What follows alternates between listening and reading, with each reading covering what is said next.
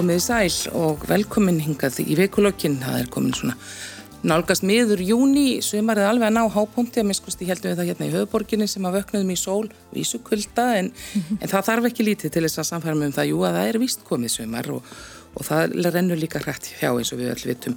En hingað er að komna til mín og alltaf spjallum, svona ímislegt sem hefur borðið á góma í fréttum vikunar.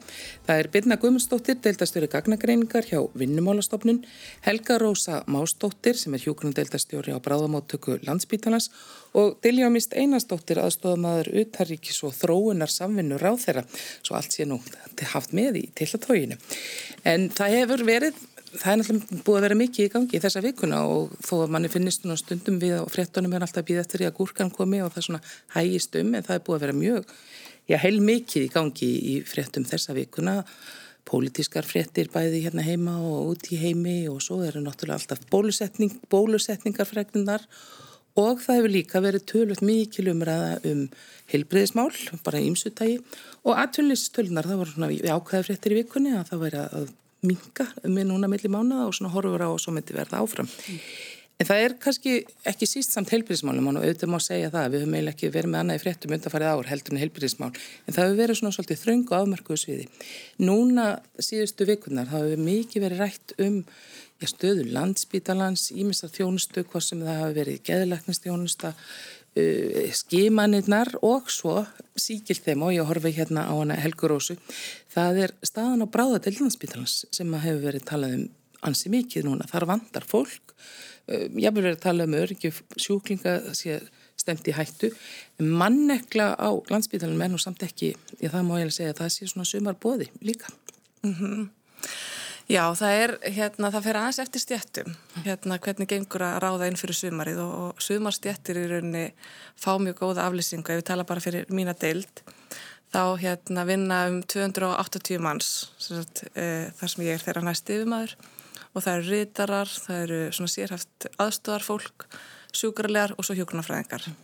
Og það næst mjög vel að manna inn fyrir e, þrjárstjættir, ritarana, aðstofamennina og sjúkrarlegana en það er bara ekki til nóg margir hjúknarfræðingar eða hjúknarnemar eða nýjútskrifa hjúknarfræðingar til að koma og leysa af þá sem fyrir eru svo þeir komist í sumafrí. Þannig já, það verður alltaf svolítið mönnun að gata á sumrin sem að þarf þá að, að, að hérna, manna með aukavöktum. Og gatið núna í ár er ekkert, mikið stærra heldur en kannski fyrri ár. Það kannski eh, blekkir svolítið að, að deildin, bráðamóttakan var reykja sem tvær deildir í, eh, þar, þar til í fyrra. Þá eru þær saminar og ég var sagt, eh, ráðin nýr deildastjóri þannig að nú erum við að leggja saman þetta mönnunagata á tvær deildir Þannig, þannig að tvalan sko vantar fimm, á 500 vaktir sem að svona margir kannski hjóa eftir í vikunni og fannst hljóma hansi óárennileg tala og hún hlítun alltaf að vera það. Já. en hún er kannski enþá stærri núna heldur hún hefði verið vegna þess að þetta eru er meira undir eða það eru stærri, deildin er orðin stærri. Já og, bara, og það bara það matta kannski 100 deildin fyrir ofan okkur og með það voru 300 á næra hæðinni samanlagt 400 þannig að þetta er kannski ekkit, ekkit mikið starra heldur en áður.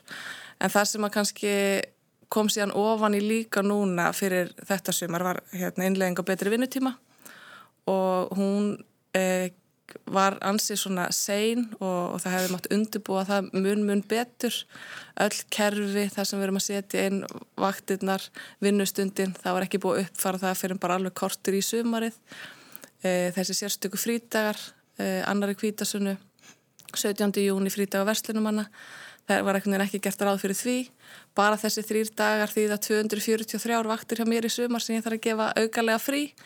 Þannig að þetta er, þetta er miklu flóknar að heldur um bara þessi, þessi klísja mannekla á bráðmáttöku í rauninni gengur okkur á bráðmáttökun alltaf mjög vel að manna. Og þetta er, þetta er vinsælt deild að vinna á. Þannig að hérna, þetta er svona jú þetta er erfitt og ég er ennþá með 400 vaktir ómannaðar í sumar og, og hérna hjúkunafræðingarnir og, og starfsfólki á deildin er þreytt og það sem að kannski COVID svo sem fór ekkert illa með okkur þannig sé á bráðmáttökurna því að COVID-göngudeldin hún var alveg, tók rosalega vel eh, utan um það allt saman. En það er þessi innlagna krísa og þetta neyðar ástand á bráðmáttökur sem var stanslust í fréttum fyrir COVID. Og það er svolítið svona farið að kræla á því aftur núna Já, ég minna það var að tala hérna við landlækni vikunni sem sagði aldrei, aldrei verra ástandið og, og það ég vil fara að tala um öryggi sjúklinga vegna manneklunar og ástandsins. Þannig að þú vilt svona aðeins, tóna þetta niður, eða hvað? Sko, bráðalæknarnir og sérfræðingarnir sem að, hérna, þar var ástandið mjög slæmt. Þannig aðeins fara að glæðast. Þegar þeim hefur tekist að kalla til einhverja, einhverja fleiri til að koma á vinna í sumar en já, það var, það var svona leit ans ítla út hérna fyrir tveim-þreimi vikum. En það, er, en það er svona aðeins bjartara? Með mönnun þeirra, já. já.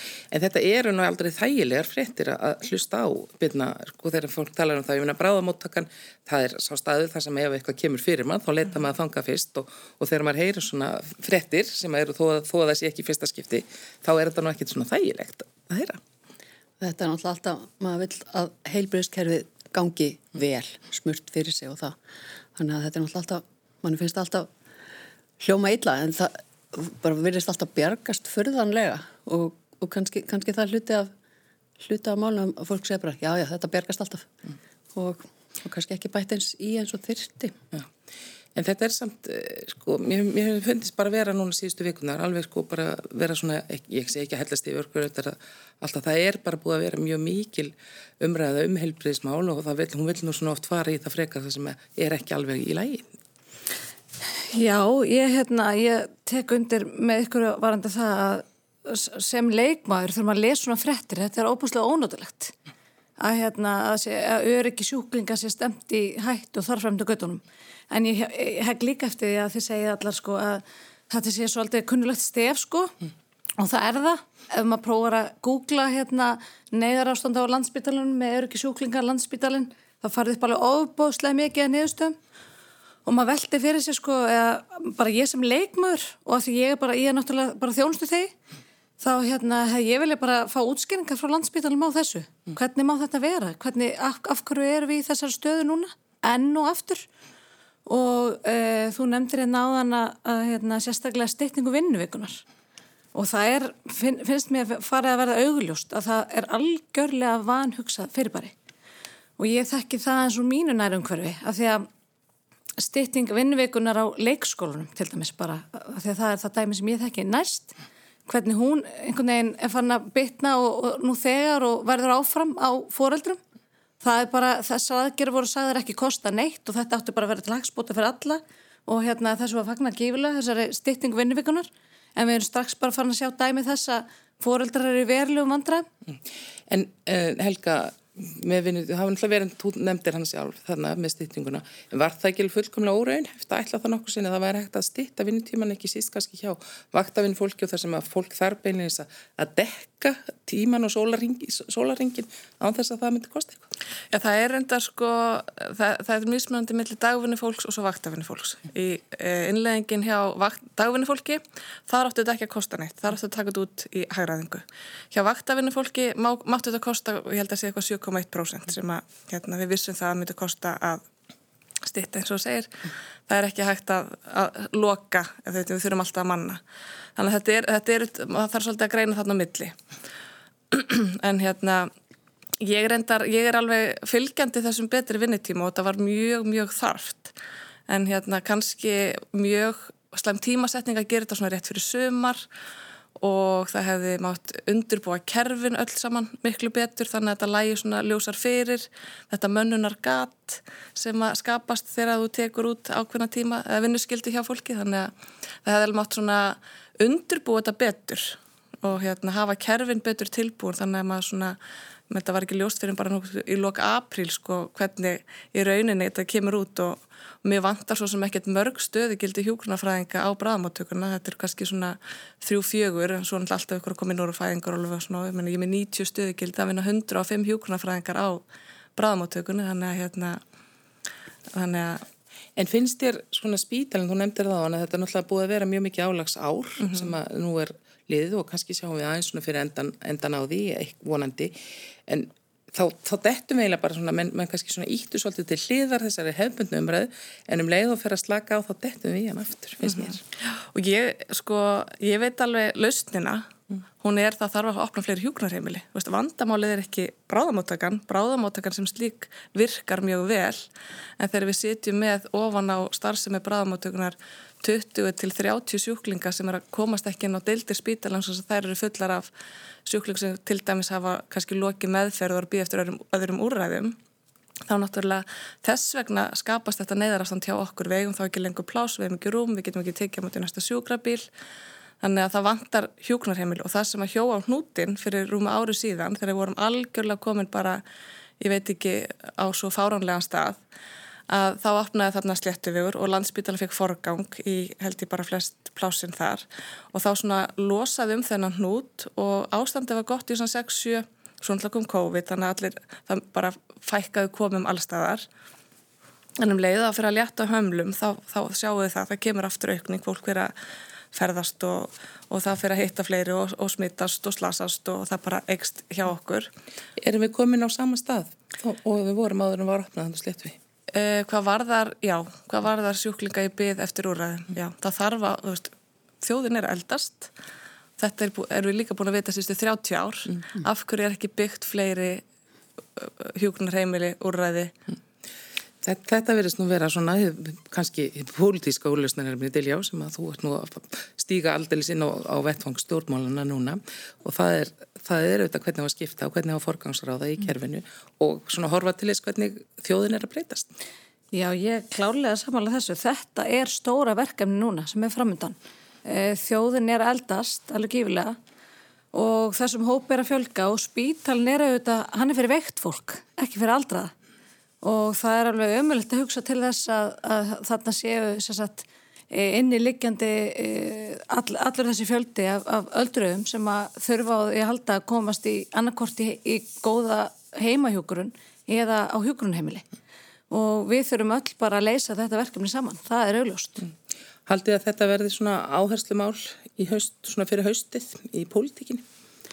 Þarftu þá að meina innilög? E, já, bara, bara sko, heitir heitir, heil, það samspil í velferðarkerfinu hjá okkur. Mm. Sko ég held að það er náttúrulega úrlusturefni allstæðir í samfélaginu þessi breytt aldur samsetning þjóðarinnar og kemur, kemur líka til dæmis inn hjá vinnumálustofnun að bara fólk, fólk er, uh, virkar á vinnumarkaði lengur og og þarf öðri sér þjónustu og, og kannski breytta samsetningu semst, önnur úrræði mm. á vinnumarkaði og, og núna þá hef, hafa áherslur vinnumálstofnar rauninni gjör breyst upp á það að, að það er miklu meiri áhersla á, á að um, semst, ráðningar og semst, þessa vinnumiðlun sem hefur verið svona, já ekki verið kannski í megin fókus hjá vinnumálstofnun en er orðin þar núna og ég sé fyrir mér að það verður í framhaldinu mm. og, og þá verður meðalans tekið á þessu hvernig, hvernig að, að vinnu aldurinn er orðin miklu lengri þannig að þetta eru kannski nokkur fasar hjá fólki. Sérst, þetta er ekki bara einn einn ströymur Þú nefnir þannig vinnumálstofninu og þá komið tölur frá okkur núna í, í vikunni Já. sem voru náttúrulega gleðilegar að Já. það hefur dreyið saman en það er náttúrulega ennþá samt þannig að það er fjöldi fólk sem er ekki með vinnu. Já, það er náttúrulega óveinilega mikið atunleysi en núna sérst, í síðasta mánuði, í mæmánuði þá fækkaði atunleysum um 2400 cirka og, og það, sem að, það sem að betra er, það, það er óvinni mikið fækkun. Það hefur verið Atvinnleysi hefur lækkað frá januar, þar stóða hæst, hún er januar í á þessu ári, en það hefur lækkað stöðugt alveg síðan, en fyrstu mánuðin þá voru þetta svona nokkur hundruð sem fækkaði á skráða, svona rétt eins og væri verið að pína það handurt niður um, um nokkra, og, en svo um þúsund, en núna síðast um 2400 og það sem betra er, er að í þessu mánuði það lítur út fyrir að verði jafnvel enn meiri lækkun. Og í rauninni lítur út fyrir að verði meiri lækkun. Mm. og, og bara nú þegar í dag, sko nú er tólti og það er bara sko núna, sko síðust mánamót þá voru 17.600 á skrá en núna eru sko 15.800 bara ég bara gáði morgun. Og, og þannig að það bara það fækkar um bara veist, stóra slump á hverjum degi. Og þetta er að sko stórum hluta eða það er svona 50-50 hvað, hvað það sem er að fara út á ráðningastyrk í þessu átæki ríkistjórnarnum hefjastörf það, bara, það er mikill gangur þar.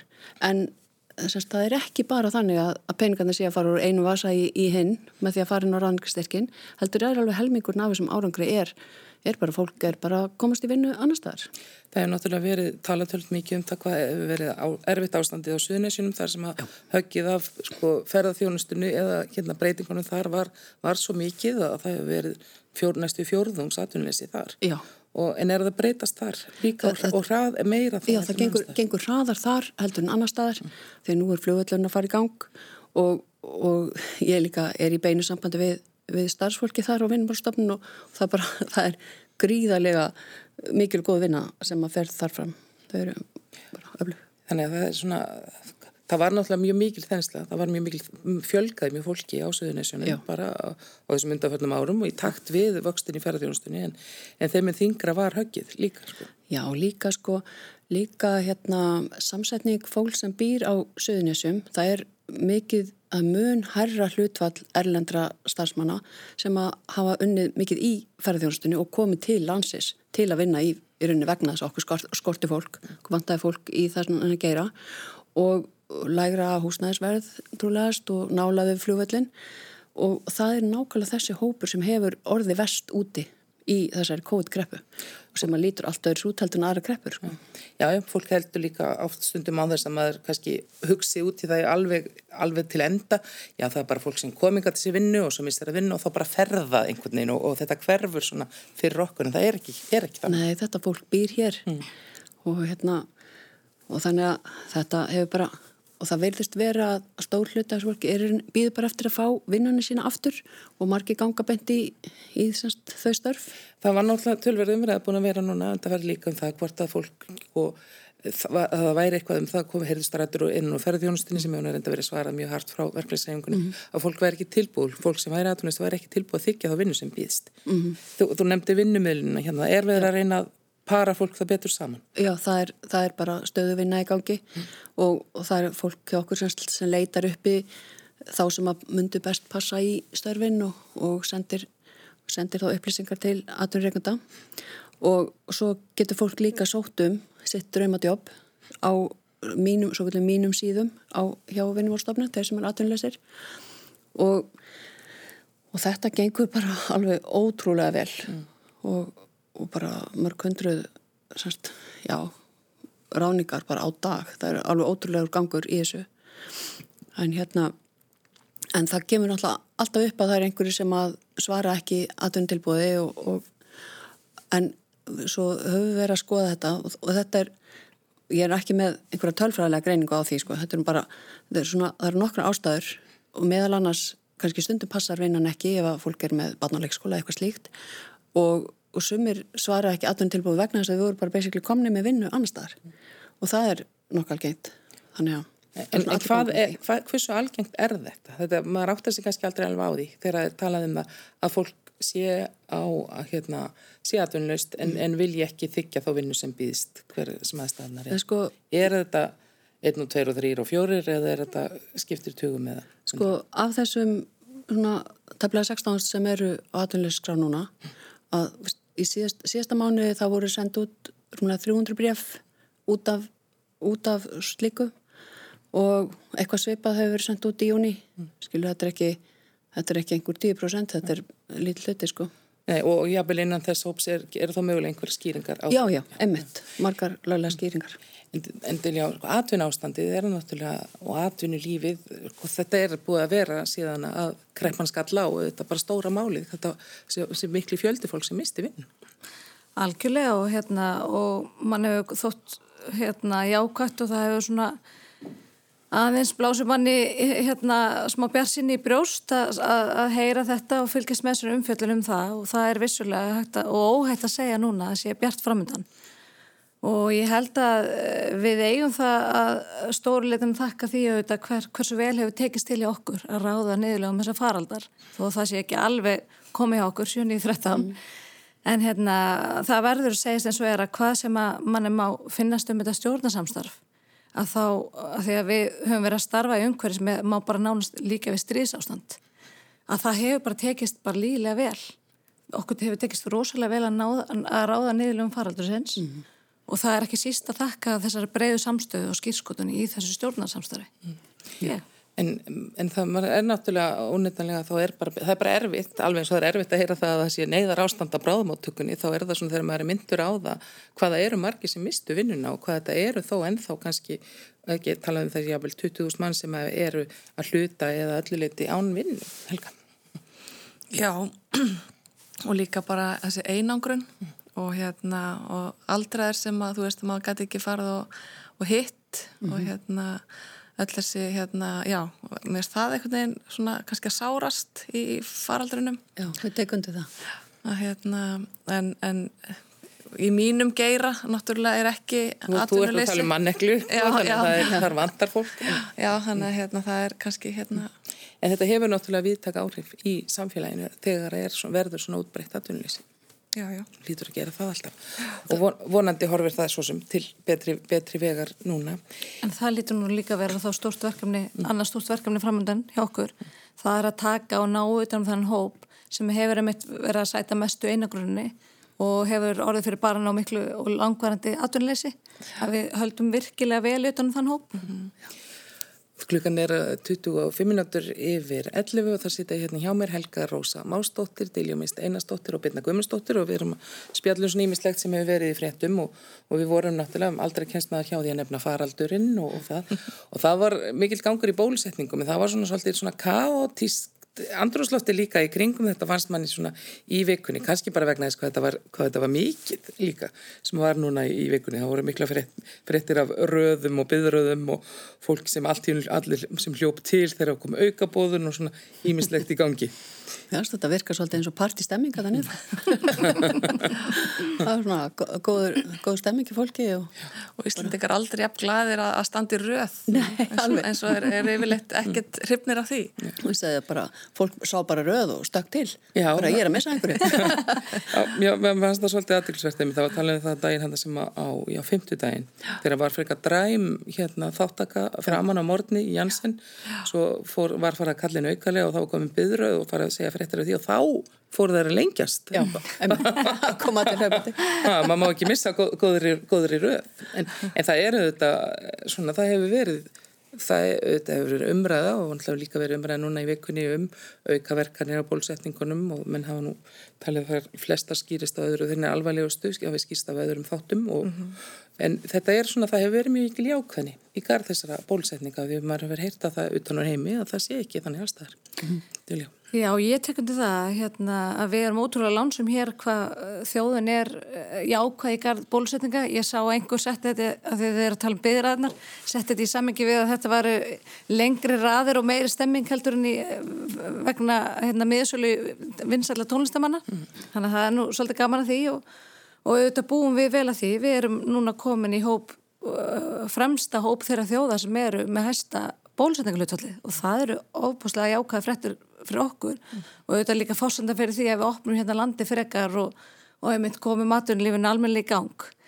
E, þannig ég held að, hérna, að við getum verið mjög jákvæð og björnsinn varandi áframhaldandi bólusetningar okkur og maður sér ekki merkið þess að, að það sé eitthvað að fara að breytast. Mm. Þrátt fyrir það eins og þú nefnir að fólk einhverjur upplifa alveglega raukaverkanir, mm. aðrir bara mjög smáælar og ég held að það sé nú bara eins og gengur að gerast með bólusetningar. Mm. Það, það kannski núna svona á, á svona hennum léttværi nótum að því að þá hefur fólk að því að það er bara svo margir að vera að fara og það er mjög mikil svona samanbörður um vinnustöðum bara sem ég þekki til. Býtu, hvernig ertu? Hvernig ertu? Hverjir? Sumir dagurinn eftir, það verður allur gangur á því, sumir finna nánast ekkit fyrir því og, og það gengur svo sem yfir öll, öllu efnin en samt er menn allir í mikill og fræðilegri umræðum um það, já, fæsir, það, það er setnisbrötan, hún er erfiðari en þessi er betri og svona menn menn, menn kunna þetta nú orðið nokkuð vel sko, já, heima já. í stofur sko. og það hérna, við gerðum nú við höfðum alveg áhugjur þarna þegar það voru svona hérna rosalega fjöldi verið að bólsta svona mikinn fjölda hvort það myndi koma hólskjaplega yfir okkur á bráðmátökun með mm -hmm. fólk með kannski einhverjar hérna aukaverkanir og, við, og það er alveg tölvert um það og við finnum alveg tölvert fyrir því mm. og hérna, ef við tókum svona kannun að tveggja vekna tímabili, hvað eru margir sem leita til okkar og þetta voru 76 minni með einstaklingar á tveggja vekna tímabili sem komu til okkar vegna einhvers konar aukaverkana hvort það var hiti eða róða stungustað eða eitthvað svona. Og við hérna voru svolítið svona banka í farsóttunum til spítalans. Þegar hægt svona leiðbyrna fólki hvert best er að leita því að bráðamóttakarnir er kannski ekki alltaf fyrsti viðkomustar, það er kannski myndi frekar helsugjastlan mm. en auðvitað hérna e, ef einnkennir eru alvarleg eða eitthvað slíkt og þá er allir, allir alltaf velkomnir en þetta var einmitt mjög hérna við náttúrulega bráðamóttakarn var e, starfsmennin þar voru einnig þeir fyrstu sem fengur bólusetning og það var Pfizer og sjúkraflutningarmenninir mm. og það var svona, það var svona einmitt ef maður horfir á okkur svona spauðulega hlýðar þegar þeir voru einmitt búinir í sinni setninsbrötu eða þau sjúkarflutningamennir og fólkið að koma til okkar. Það var annarkort að rýfa sig úr peisonum eða setja sig í þær og með hróllakulta getur við fengið panodíl og reyna að harka af sér sko þannig að hérna já já og svo er mitt þess að hérna hva, hva, hvaða, hvaða bólefni best og alls konar með, með hérna, verið í gangi með, með hérna, þessi bólefni öllsamöl Já, mann eftir þess að sjúkraflutningamenn allveikir. Já, já, já En, en að þú hérna, að þú nefnir þetta uh, ég held að þetta getur líka verið eitthvað sem við þurftum að fara að huga bráðlega að að fólk í langan tíma hefur það verið að veira sig við að leita til ákveðna sjúkrastofnuna og hérna, meðal annars því að það er búið að skerða þjónstunar og fólk beðið um að koma ekki undir ákveðnum kringustafum mm -hmm. og ég held að þau eru kannski að fara að huga því einhvern veginn að senda út okkur ákveðin skilabóð einhvern veginn og, og hérna, hvetja fólk til þess að leita í ríkra mæli meðal annars til helsugæsluna. Já, ég held að mætti alveg klárlega hérna, bæta leiðarvísi í, heil, í heilbríðiskerfinu mm. hérna, og við höfum svo sem alveg, við sjáum alveg við mun, það var svona komin ákveðin þróun í það að fólk bara tristi lítið helsugæslunni og leitaði mjög mikið á bræðamóttökunum með kannski ykkur minni hattamál sem átti frekar heima á heilsugjastlunni og ætlaðis ekki þrjú ár sem við fórum í svona samstarf við heilsugjastluna þau svona, það var svona yfirleiknirinn hjá okkur og svo heilsugjastlan voru svona að auglýsa þjónustuna þeirra og það fækkaði hérna, það er svona forgangsraða alvarleika hérna vandamáli sem leita bræðamóttökunum og það fækkaði hérna í hópi fjóra og fimm sem eru svona minni áttarmál mm um sko okkur á 12.000 komur yfir eitthvað tíma þannig að það, það skiptir máli og þannig að það er svona hérna létta þess að hjá okkur og fólk fór greinlega að leita fyrst á hilsugjastluna mm.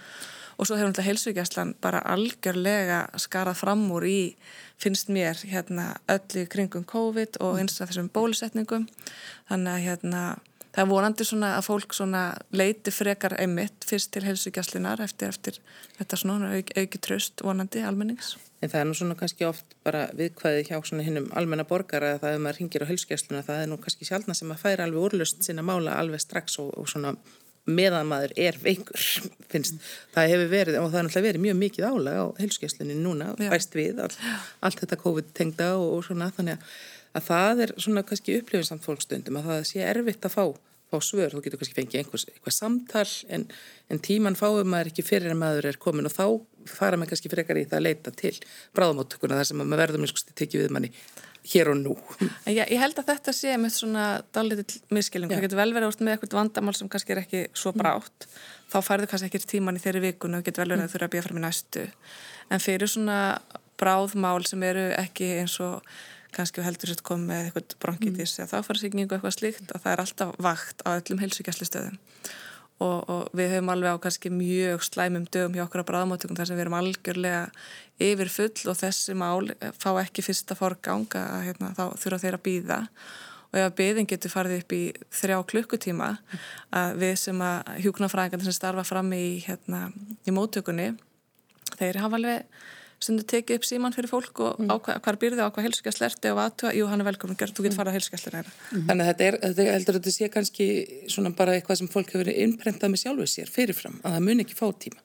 Í, í mörgum tilfellum já, já, en auðvitað veit ég alveg að það kemur líka fyrir mm. og hérna eins og segi það væri bara, ég hérna bjóð í Kanada um tíma og tók mastersnámi mitt þar í hjúgrunn og það rulluði alltaf í sjónvarpinu auðlisingar um hvert þú áttar að leita í heilbriðskernin það var kannski mm -hmm. eitthvað svona hérna kona sem var að elda mat og hún brendi sig og þá fröys myndin á skjánum hvert áttu að leita og svo komur tú tú tú hvert þú áttar að fara og svo kannski eitthvað sem að, þú veist, ég ekki fyrir hjarta hvað áttu nú að gera, nú áttu að ringi þetta mm -hmm. eða, þú veist, að hjóla og brendir þig á okkur um hérna brenninettlum eitthvað svona, hvert áttu að fara það var svona alls konar svona auðlýsingar í gangi til að kenna fólki hvert á að leita í heilbriðskernin og ég held að við getum alveg gert betur þar mm -hmm.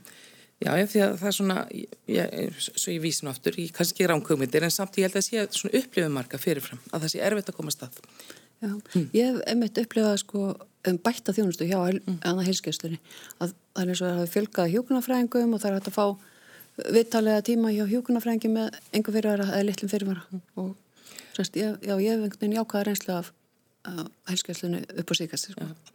og þetta hefur það svo sem verið líka að það svona umræða um það hvert fólk eigi að fara fyrst það sé mjög ákvæmt að fólk byrji ja. þar og sko, byrji ekki að leiða sér eftir kannski henni dýrastu sérfræði þjónustu mm -hmm. heldur leiti fyrst á, á þetta. Ég held að það sé nú ekki síst að þakka enga framtaki í helsugjastlu hérna að það að maður upplega þess að bættu þjónustu og bættu aðgengi að minnst að kosti ef ég tala verið sjálf á mig þá hérna finn ég mikið mun á því eftir að, að hafa fært með á helsugjastlu sem að hérna, er engar ekki en að og, og, bara, og flóran er honum fjölbreyttari En það er, en hún er samt einhver, það er náttúrulega samt bara brot af þeirri heilskjöld þjónustu sem er í bóði, er þessu einhvern veginn og það er nú eitt af svona innum stóru deilumálum sem hefur verið. Um það, það hefur bæst við og það er alltaf jákvæmt að vera með þessa blöndun. Já. Ég held ekki að svo tæknilusnir og svo heilsuvera og svona það er miklu, og svo þægilegt núna að maður þarf öndunin og livseli eitthvað mm. svona, hérna, að ég held að það sé líka rosaleg, hérna, viðbútt og, og svona auðveldi hérna vinnuna heilmikið. Mm. Það verður náttúrulega svona alltaf einhver vist fram, framþráð í þessu öllu, öllu saman.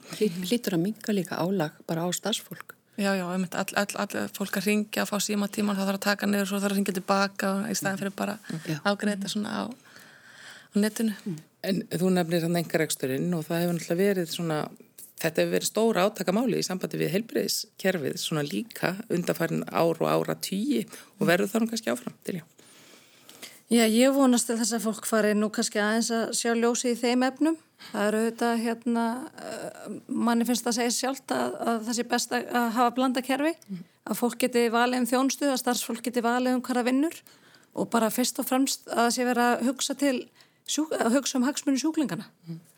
En þá velta menni líka fyrir sér hvaðan koma peningandi sem borga fyrir þetta og hvernig þeim er ráðstafað. Mm -hmm. Já, við höldum bara áfram með mitt sko að vera í dýrasta úrræðinu, fólk ekki að sækja beint í dýrasta úrræðið, mm. sjúgrás er dýrasta úrræðið, af hverju eru þar 130 einstaklingar í byð eftir ódýrara úrræði. Mm. Að hérna ég eins og ég segi þetta er á, finnst mér eigi að vera algjört forgangsmál. Uh, þetta eru til hér engareknar stofur og, og skurstofur og svona fyrir mig sem vinn þarna kannski hinnum einu kerfinu að hérna ég held að þurf, það, það getur vel verið ef að ætlum að hafa engareiki kerfi þá þarf hefur ríkisrækna að vera mjög stert. Og nú erum við ekkert mjög stór þjóð og við vitum það að það komu upp alls konar flókin tilvik þegar að fólk leitar sér eitthvað aðstofar á stofu út í bæ. Og stofan út í bæ hún, ekki, hún hefur ekki burðina til þess að sinna þessum flóknu verknum að það þarf að koma að eitthvað svona þörfagleg hérna nálgun þannig að ég er ekkit að móti þessu enga rekna en hef, það sem að grýpur okkur öll þarf að vera mjög stert og það er ekki nógu stert í dag. Vitna, hefur þú myndaði skoðun á enga rekstri í helbriðisjónusti? Já, ég, ég kannu ekki alveg hugta ekki en það sem að, að tala um það sem að hagnaðurinn er dregin saðar í gegnum engareksturinn og, og þannig að þjónustamingi það er svona eitthvað sem hefur verið reynslandsumstæðar þannig að ég held að þurfum við að bara skilgreinda mjög vel Semst, þjónustu samningarnir hljóta að vera mjög, þurfa að vera mjög vel skilgreindir og til þess að bara passa vel upp á okkar rísosa mm. Heldur að þetta verði eins og hefur náttúrulega verið heldur að við séum að verði að stefna í átt á einhverjum breyting Já sko, megin raugin sem hafa verið nótu gegn enga framtæki í helbreyðstjónustu, mm. þau eru svo að við viljum ekki vera með tvöfalt helbreyðskerfi En nú er bara staðan svo að við erum með tvöfalt helbriðskerfi, einmitt út af þessari stefnum sem hefur verið reygin síðastlegin ár að hérna, af því að það er ekki gerðir hérna, samningar og af því að enga framtæki er ekki nýtt þá er fólk einfallega að borga sér framfyrir rauðina þeir sem hafa efna á því þeir geta kipt þess að þjónustu á enga stofum í stað þess að beilistum var útdæmt og allir hefðu aðgang á sömu þjónustu. En það, það, það er eitthvað, það er einmitt það samt sem, sem fer þversum ofan í marka að það, mann geti kift sig fram fyrir rauð. Já, en það sko. er afraksturinn af þessar stefnum sem hefur verið reygin. Mm. Fólk getur það að því að þjónustöðundi staðar, sérfræðilegnir geta selt þessa þjónustu mm. og, hérna, og í stað þess að það sem gerur samningu við ríkið um og allir hafi þetta sama aðgengi, þá kaupir fólk þessar þjónustu ekki með aðstóð ríkisins. Mm. Það, Þeir sem hafa efnaði þar að segja. Það er tvöfald helbilskerfi. En erum við, eh, sko, við erum náttúrulega eins og hún segir, við erum í tvöföldi kerfi, einhver marki, en þú lýsir því að það þurfi þess að alltaf styrk, hinn sterkir bakhjall verður alltaf ríkiskerfið. Já, já, af því að við, við sjáum alveg að hérna, það er margt sem að e, gengur ekki nógu vel ef að, ef að fólk fer kannski á stofu þar sem að þú hérna, einmitt kannski greiðir fyrir ykkur aðgerð mm. Uh, og svo kemur upp síking eða, eða eitthvað, eitthvað eftir aðgerðina og hver að þá grýpa viðkomandi þessi stofa er bara opinn 84 og aðgerðinar er skiluð það búið útskrifa allar kl. 8 á kvöldin, það er engin vakt þarna bakvið þannig að þú þarfst alltaf að geta sendt í eitthvað, eitthvað, eitthvað styrt kerfi sem að hérna, getur tekið við þessum flóknari hlutum Held, Haldur þú að, verði, sé að það verði frekari breytingar í áttina meiri engar það sé að það sem Nei, ég held, að, ég held að það sé ekki beint vilja þjóðurnar. Það má kannski alveg skoða og ég man þetta var, þegar ég var einmitt hann út í Kanada, þetta var svona mjög mikið, hérna, Kanadamenn eru svona líkari okkur með heilbríðskerfi heldur en til dæmis bandaríkjumenn mm. og þessi rammi hvað á heima innan sko ríkisreknakerfisins, það var alltaf verið að þrengja hann og setja meira út hérna í svona, hvað maður segja, þessi engareknu útbóð, að, hluti sem áður voru kannski niðugreitir og hérna ég er svo sem ekkert fylst með hvernig gengur þar en hérna það var svona þeir heilbriðstar sem segja með þessu námi voru ekki hrifnir af þessari þróun Nei. En þetta er nú hluti af pólitíkinni og þá voru aldrei pólitíska fréttir líka svona það við erum að fylgjast þingmenn eru nú vantarlega á fundi í dag og er að hamast við að ágreða mál það er líka búið að setja út af sakarmentinu eða búið ákveða að verður ansi margt sem ekki næst afgreitt mm. á þessu og, og svona þegar maður fer að renna yfir listan af því sem ekki verður afgreitt á fyrst menn að það vera kannski svona, já ansi margt sem hefur verið í fréttum en það er kannski líka einmitt verið í fréttum en það er ekki samljómur um mm. það uh, vorum að tala um, til ég að byrja að tala hérna upp af um, um, um styrka ríkstofnarsamstarf það er svona núningur með marg á svona stóru málunum og og þá, hvað, hvað, eftir hvað eru maður stúk það er, maður getur talið upp ímislegt sko. Stórt og smátt, hálendistjóðgarðurinn og, og, og, og það er kannski svona og stjórnaskarmálinn líka sem hafa verið. Já, mér, fann, mér fannst nú kannski að stjórnaskarmálinn það var svona hálpartinn mm. en, en hérna já, maður mann eftir hálendismálinu og Nei, Hvað finnst þér um það? Er, er það eitthvað sem er bara á bara eftir að halda að vinna betur áfram eða var það ekki Var þetta ekki tilbúið eða hefur einhverja skoðun á því? Sko? Já, sko, nú hérna er ég nú meira búin að vera bara í vinnunni mm. en hérna, sama átt og trefst mér nú ekki til að leysa, leysa vandamál heilbríðskerfisins hérna að þá, þá bara held ég hafi ekki nógu mikið vita á þessu sko. Mm. En, en það er svona, þetta, þetta mál sem... En mér finnst þetta mikilvæg umræða sko. Hálendistjóðgarinn var svona einhvern mál sem að var leit fyrir sko mánuði út fyrir að kannski myndi verða en er svo núna ekki eða var það aldrei að verða? Dilja? Mm, já, ég, ég hérna, skal ekki segja hvort að það hafi aldrei átt að verða en það komu þetta fram hérna, það kom fram mikil gaggrinni meðal ansvarandi aðgang hérna útvista fólk að þessum svæðum og, og fleira og eins og segir þá er það þannig þú ert í svona breyðu hérna stjórnarsamstarfi þá auðvitað kom upp mál þar sem að næst ekki al, almennilega góð samstæða mm. og þegar þú færði heldur ekki stöðningin þá frá öðrum flokkum þá er auðvitað þá daga þessi mál svona uppi.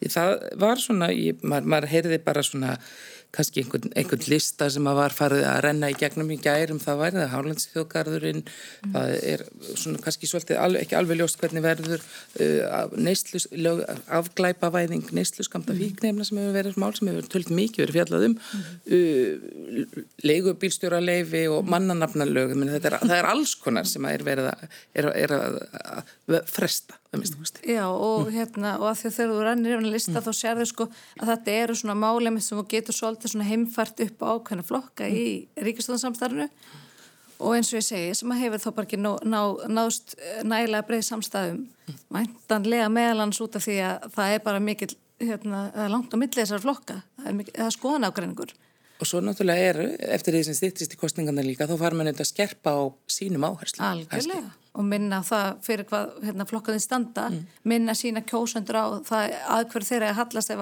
ef, ef þeirra er að velja þessa flokka. Þannig að hefur þú svona fylgistu með hinn pólitísku vaktir yfir, þessi, nei ég segi ekki vaktir, horfðu með vakand og lifandi áhuga og eldurstagsumræður. Nei, ég er bara eiginlega búin að vera rosa mikið í einmitt eins og byrja í vinnunni. Og hérna, en jú, ég auðvitað reynir maður að, að, hérna, að fylgjast með að hérna, eins og nefnir afglapa væðingu nestu skamta og svona og hérna, ég held að sé mjög mikilvægt mál en það er líka mjög flókið mál og ég skil mjög vel hérna báða, báða hérna póla, þetta er veikt fólk en þetta er líka ólöflegt og, hérna, og hvenar, ef ykkur er tekin með neslu skamt, hvernig, hvernig áttu að greina hversu hreint þetta kókaina, þetta duft í pókanum er, þú veist hvernig ámar einhvern veginn að hérna, fyrir bara leikmannin sem að, eða, eða manneskinn sem er í framlínunni, mm. hvernig á hún að geta greint þarna milli, þetta þarf einhvern veginn að ég veit ekki, ég held að þetta sé bara svolítið flókjumál, en, en svona hugmyndafræðilega er ég ekkit ósamálaði. Já, ég, ég held einhvern veginn að, einmitt, þetta og ekkert búin að fylgja sko tæknilega með þeim þessu neistluðu skamta afglæpa væðingunni. Ég, ég held að sé að myndast mjög mikil samstað eða semst fólk er orðið sammála því að, að, að fara út í afglæpa væðingu en svo er það náttúrulega tæknilega útvarslan, útvarslan þú veist, sem að náttúrulega veist, við þurfum ekki að standa í þessu en kannski löggan, veist, það er erfiðar fyrir þau. Já. Gaman að segja frá því að, því að þær voru báður í vinninu og mistu þessna eldurstagsumræðum en ég var í vinninu að eldurstagsumræðum fylgdi mínum ráð fyrir að þanga en hérna e, varandi þetta frumvarp um afkleipavæðingu þá held ég einmitt að, að þetta sé ekki sko ég held að sé ágætt þverrpólitist sátt um það að það er þverrpólitist sátt um það að við eigum að hérna, meðhundla fíkni sjúkdóma í helbríðskerfinu og leita allra leiði til þess mm. en ég held að það hef eftir verið helsta gaggrin á frumvarfi. Það er að segja að það er, það, er, það kemur það er ekkert fram og það er ekkert samlega þessu frumvarpu um afgleipavenguna um emitt aukin meðferðarúræði eða mm -hmm. hérna, að auka fjármunni til forvarni eða eitthvað slíkt mm -hmm. eins og hefur verið gert í öðru löndum þegar þessi hérna skref hafa verið stígin mm -hmm. og ég held að það sé aðal gegn En það er, hefur kannski ekki verið heldur alveg, veist, þetta er ekki, ekki beinist, þú talaður um mál sem eru líka í flokkslínum, þetta mhm. er ekki mál sem líkur það. Nei, nefnileg ekki og það segir mann það að eins og Helga kom inn á að þetta sé meira kannski teknil útfærsla eða já, frumvarpa hefur ekki, hef ekki verið nógu vel unni eða eitthvað slíkt frekar heldur en þessi hugmyndafræðilegur ágreiningur. Mm -hmm, Anna mál sem er svona kannski, kannski ég manni finnst það ekki vera stórmál en auðvitað er þetta samt stórmál, það eru mannanafnalögin sem hefur, mm. hefur alltaf kemur alltaf aftur og aftur sko breytingar upp í umræðuna og ég veit ekki, ég veit ekki með ykkur en ég veit bara um fölta fólki sem hefur voða gaman að tala um þessi málin svo einhvern veginn, veist mann kannski skilur maður heldur ekki alveg hvernig þetta getur velkst áfram sko árum og áratugum saman. Hm. Já, er þetta ekki orðið svona frekar úrelt, ég menna við erum bara orðin líka miklu svona fjölmenningarlegri heldur en þú veist þannig að ég menna ég ætlum að horfa á nöfn allan daginn sjúklinga og hérna ranni í gegn 150 sjúklingar á hverjum degi á bræðmatökun þannig að maður alltaf að horfa á alls konar nöfn þannig að hérna ég veit ekki, er þetta ekki bara orðið svolítið úrælt og ef við ekki bara geta heiti þar sem við viljum heita. Jú, er þetta ekki einmitt í svona samskona þróuna eins og afglapavæðingin að fólk er að sættast við þetta smám saman að, að það er í rauninu pínu asnalt að vera eitthvað að segja hvort að megi heita þessu nafni með komu eða ekki komu sko Hérna. Þið það ekki vera hérna? Ég held að ríkið hætti að skipta sér mm. þess eftir smá stund sko. Enga síður þá búið að setja þetta mál til hliðar. Já, þetta, þetta kemur bara næst sko, þetta tekur, tekur svona sinn tíma hans í mm. gegnum kerfið. Mér finnst nú erfitt að bera þetta sama reynda við afglæpavæðing. Nei, ekki alveg, alveg sama, kannski. En þetta er bara svona hvernig hugafæra, það tekur nokkur ár svona fyrir eitthvað hugafæra að breytast. Já, ég... Alveg eins og til dæmis með þarna bæta, bæta vinnutíma að, að bara fyrir einhverjum ekki laungum tíma, þau er kannski tíu árum að þá er þetta bara svona eins og hverlandar að ræða þetta og þetta var bara skrítin umræða. Mm svo núna er þetta bara algjör samljómur um þetta. Og við erum í rauninni bara nokkuð á eftir okkar nákvæmlega þjóðum að, að styrta vinnumvíkuna og loksins komið í gegn mm -hmm. og ég held að það sé bara tæknilegt mála að lagfæra, veist, þetta er bara svona að lagfæra eins og útværslu hjá leikskólum og þetta, þetta mun verða að koma í lag eftir hálft eða heilt ár sko. Já, ég, ég held, já, hvað, hvað mannarnafna lögin verða, varðar þá held ég kannski að, að fólk sé aðeins byrja að sjá stóru myndina varðandi það að fólk getur áður því að það geta eignast börn sko og hversu mörg börn að það sé kannski svolítið og svolítið innan gesalappa ósamræmi að þú getur síðan ekki ráði hvað þau heita Já. það sé svolítið svona hérna komist En varandi stitt ykkur vinnuveikunar þá var náttúrulega líka stóra verkefnið bara hérna, að fylla upp í gati á, á því að meðan að fólk ekki vinnur þá hérna, verða ekki til verðmæti, skiljið, þetta bara, þetta helst í hendur og það eru auðvitað líka eitthvað sem við þurfum að skoða. Mm. Ég held að það fyrir bara hafa bara verið vanhugsað öllu leiti. En heldur það þessi eitthvað sem munir ganga tilbaka því að það er búið að vera, þetta er búið að vera í umræðu, þetta er búið að vera í undirbúningi, e, þetta var mörg ár, þetta var hluti af, sko, mm -hmm. tengdist inn í svona þetta almenna, almenna umgjörun kjara samlinga fyrir nokkur um árum og svona, mm -hmm. en þetta er búið að vera vanhugsa öllu leiti en samt er þetta búið að vera, vera, er búið að vera hugsa um þetta núna í nok nokkuð mörg ár sko. Já það er nátt viðkvæði sko bara mm. sérstaklega ef ég tekka aftur þetta dæmi úr Eikjökuborg sko að það er auðvitað bara verið að fagna styrtingu vinnuvíkunar og minna álægi á starfsfólkið en svo setjum við fóreldra bara upp með það að það, það er verið að loka öllum leikskólum í Reykjavíkuborg 1630 og hérna þau getur bara eftir ímynda okkur ekkur sérstaklega fyrir þá sem að búi efri byggðum borgarnar mm. hvernig það geng, dæmi gengur upp, það gerir það bara alls ekki þannig að þessi vandi, vandi er bara komin yfir að fóreldra að brúa þetta bil og manni finnst maður alltaf að vera brúngu bil mm. Það er oft talað um það í sambandi við leikskóluumræðina sem er, er erfið og þetta er, þetta er náttúrulega það sem kannski leggst á fólk eins og er þetta bara þetta tímabundið þetta, þó árin séu nokkur sem að fólk stendur í þessu með börnin sín sko, mm. en svo líður þetta hjá og það, og það breytist kannski ekki þó það er mikið heldur á meðan að það, þetta bara, fólk sér að þetta mun aftur, þetta bara tekur af fyrir rest sko. Já það sem er samt að breytast er það að það þótti óbúslega mikilvægt í að breytismál að hafa sagt, góða og langa þjónustu á leikskólanum mm.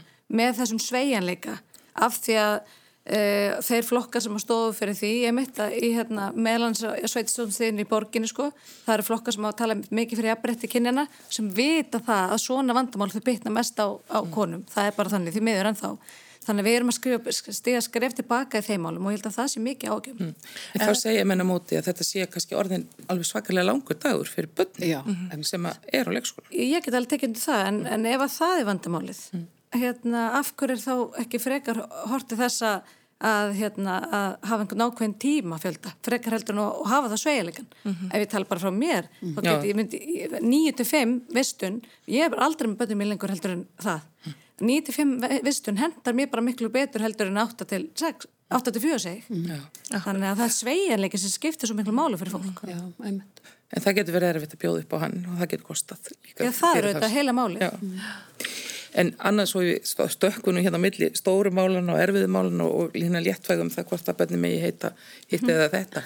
En þá eru þetta kannski vallagt að tala um annað heldur en að þessa vikur þá hafi enn og aftur komið upp umræða um kyn, kynbundi ofbeldi og MeToo umræðan sem hefur verið mjög ábyrjandi núna og þetta er, þetta er eh, umræða sem er mörgum mjög erfið vegna þess að hvernig hún, hún snúist upp í það að það sé að verða útskúfa gerundum eða þá að það sé verða að taka undir með þeim og, og hilma yfir og svona hvernig, hvernig byrtist þetta ykkur byrna?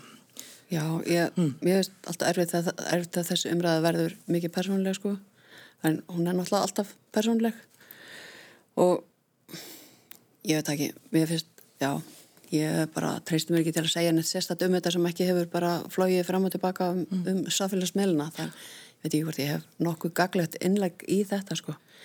En þetta er bara... En samfélagsmeilarnir sem þú nefnir eru náttúrulega umræða, sko. þar, það, þeir viðrast að mörguleiti hafa haft mjög mikil áhrif. Já, mm.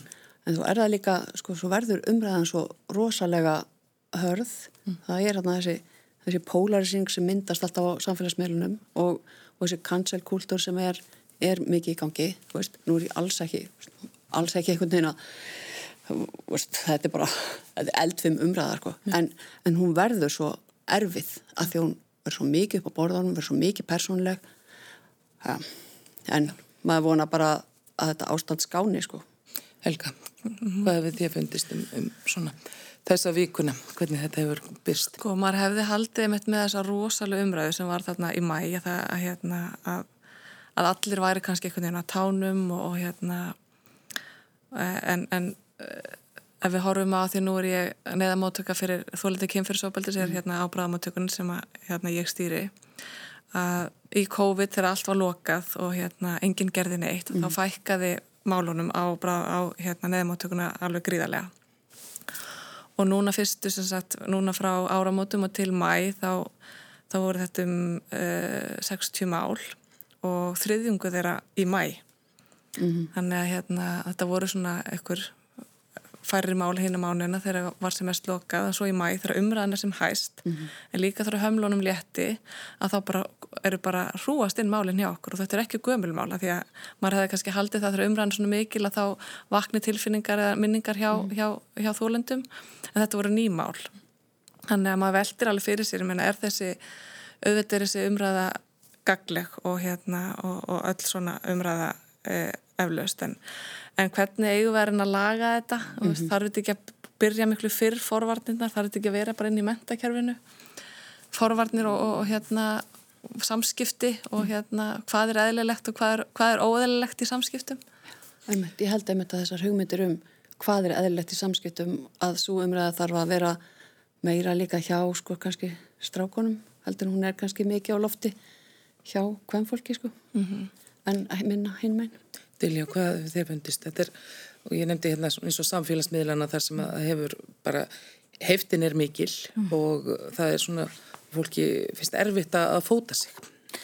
Ég held að það sé gott í þessum málaflokki eins og öðrum að við ræðum þá, mm. að það sé ekki einhver þöggun og við séum bara með allt upp á borðum og við séum að stinga á þessi kíli sem auðlúslega eru til staðan. Hins vegar, þá hérna því eh, ég er nú lögmaður þá og hef meðalans verið mikið í réttageslu í kynferðsbótamálum þá finnst mér líka mikilvægt að við reynum ekki að leysa einstakka mála þessum vettfangi. Mm -hmm. Við erum með réttafæslukerfi til þess. Mm -hmm. Þannig að þessi vitundavakning og þessi umbræð hún er af hennu góða en að við förum ekki einhvern veginn þá leiðar einn að leysa einstakk mál á vettvangi mm. með til dæmis samfélagsmiðla. Mm. En eins og þá segja mér náttúrulega eins og byrna vikaði minna þetta, það verða náttúrulega ekki persónlegri mál heldur en, mm. en kynferðis brotamál mm. að, og, og þegar er farið að ræða þau þá er svo erfitt að komast hjá því að mm. verða mjög persónlegs. Já, það er, hérna, það er sjónumið mm. en við erum hins vegar með eh, réttavaslukerfi til þess að það sem við getum leitt slík mál til líkta og, hérna, og ég held að sé erfitt sérstaklega í svona litlu samfélagi eins og við erum í þar sem við verðum að byrja einhvern veginn að eldast við einstaka myndagerendur og, og svo framvegs í staðis að það fari sín hefðbundin leiðin dómskerfisins mm. og við séum bara meira einhvern veginn að hamra á því og ger, greinilega getum ekki gert nógu mikið af því að tala um þessi mál og senda ákveðin skilabú og hvetja sérstaklega drengi til að taka þátt í þessar umbræð. Mm -hmm. Finnst ykkur eh, þessi hérna, það finnst strákum finnst þessi umræða oft erfið þeim finnst það að sé vegið að sér en, mm. en þá um leið segja manni þú getur einlega ekki tekið þessu þannig það er ekki hægt að, þetta er ekki en er, er, er hægt að komast fram úr því? Ég held að sé bara hérna kannski að þegar við erum ofun í að mm. beina umræðin í þessa átt mm. og drengir ofanir að taka þátt í umræðinu og ég held að það sé eins og með margt annað, þetta sé bara framþróun sko mm við sitjum nú hérna fjóra konur erum að tala um þessi mál en, en það finnst ykkur samt eitthvað að vera breyt ekki eitthvað að vera breytast í þessu. En við tölum um vitundavakningu en við erum búin að vera að tala um hana svolítið lengi. mm -hmm. og, og svo koma þessa fregnir eins og Helgar að vísa í núna bara í, í mæ að það er svolítið, svolítið sjokkirandi Já, og ég, ég, ég, einmitt, og ég á þrjá litla drengi og hérna og einmitt, maður, maður hugsar, þú veist, hvernig hérna, hvert stefni við og hérna og þetta er öruglega erfitt fyrir og maður sér það einmitt þessi að polariseringu að það rýsa upp á afturlappunar hérna karlmenn sem að, sem að veist, þeim finnst þetta greinlega ofbóðslega erfið umræða og það séu svolítið svona verið að sakfella alla menn mm -hmm. að hérna, einhvern veginn verði og ég er alveg sammála að dilju að hérna samfélagsmiðlarnir eru ekki dóms, dómsvaldið en, en það hefur líka mikið verið gaggrínt hvað eru mörgmál niðurfæld eða hérna, þú veist, með síknum ja. og, og vægir, vægir dómar og svona þannig að Slíktunum kannski er ykkur útráðstafna sem er að koma fram í, í, á samfélagsmiðlunum mm. varðandi þetta. Er, er það, er þá kannski, er rétt að gæslu kerfið, kannski ekki taka við þessu um fullnægandi hætti? Ég er enda ósámála því, þetta er bara þannig máluflokkur að hérna sönnunubyrðin og sönnunufæslan hún er bara mjög erfið og þung bara í þessum málum en ég held að sé ekkert tilnefnin til þess að vantrista domstólum í þessum efnum frekar heldur en öðrum en það er tröst til domstóla bara gott mm. og... En það er alltaf vitnum til þess að hvað séu fámál sem eru það, er, sko, það sé ekki kært nema í, í gefin út ákjæri nema x mörgum málum og fámál sem að sem að fá, fara allan, allan, allan leið. Það er bara þegar við erum, hérna, við erum það lánsunum að við búum í rétta, hérna, réttaríki sko. Mm. Það eru auðvitað ekki ákert nema mm. í þeim málum þar sem eru meiri líkur til sagfellingar en minni. Mm. Það er okkar stefnu og við viljum alls, alls ekki hverfa frá henni. og í þessu málum þá er sönnunarbyrðin oft svo, bara svo þung. Þetta, eru, þetta var nú svona létt, svona, endum þetta hérna á léttu, léttu nótanum. Það er svona alveg að verða komið að lokum hérna hjá okkur og svo við bara stökkum hérna, tökum stort hlýðar hopp. Hvað ætlið þið svona að gera það sem eftir lífið þessa dags, byrna? Ég ætla að fara að halda áfram með ömmupartí sem ég hef með í gangi þessa helgi. Það verður mjög gaman. Helga? Ég er nú búin að fara í sund og setja í þvóttavél sem er svona heil, heilaga lögadags hérna ritual. Vá, wow, strax. og svo er ég bara að fara á vaktina. Svo er þetta að fara á vaktina. En þú, Dilja? Ég ætla að fara, ég ætla að eða deginum með börnunum mínum og ætla að fara með þau í fermingu og í amali en svo er ég að fara ásat í borgarstjónir í kvöld. Nú, það er bara fullt prógram framöndan hjá öllum og, og hægt að taka og fara á takk og þóttavílinni líka að gera ímislegt. Ég þakka ykkur kærlega fyrir komuna til mín hingað í vikulokkin, Birna Gummistóttir, Dilja Mist Einarstóttir og Helga Rósa Mástóttir, veriði sælir. Takk. Takk. Takk.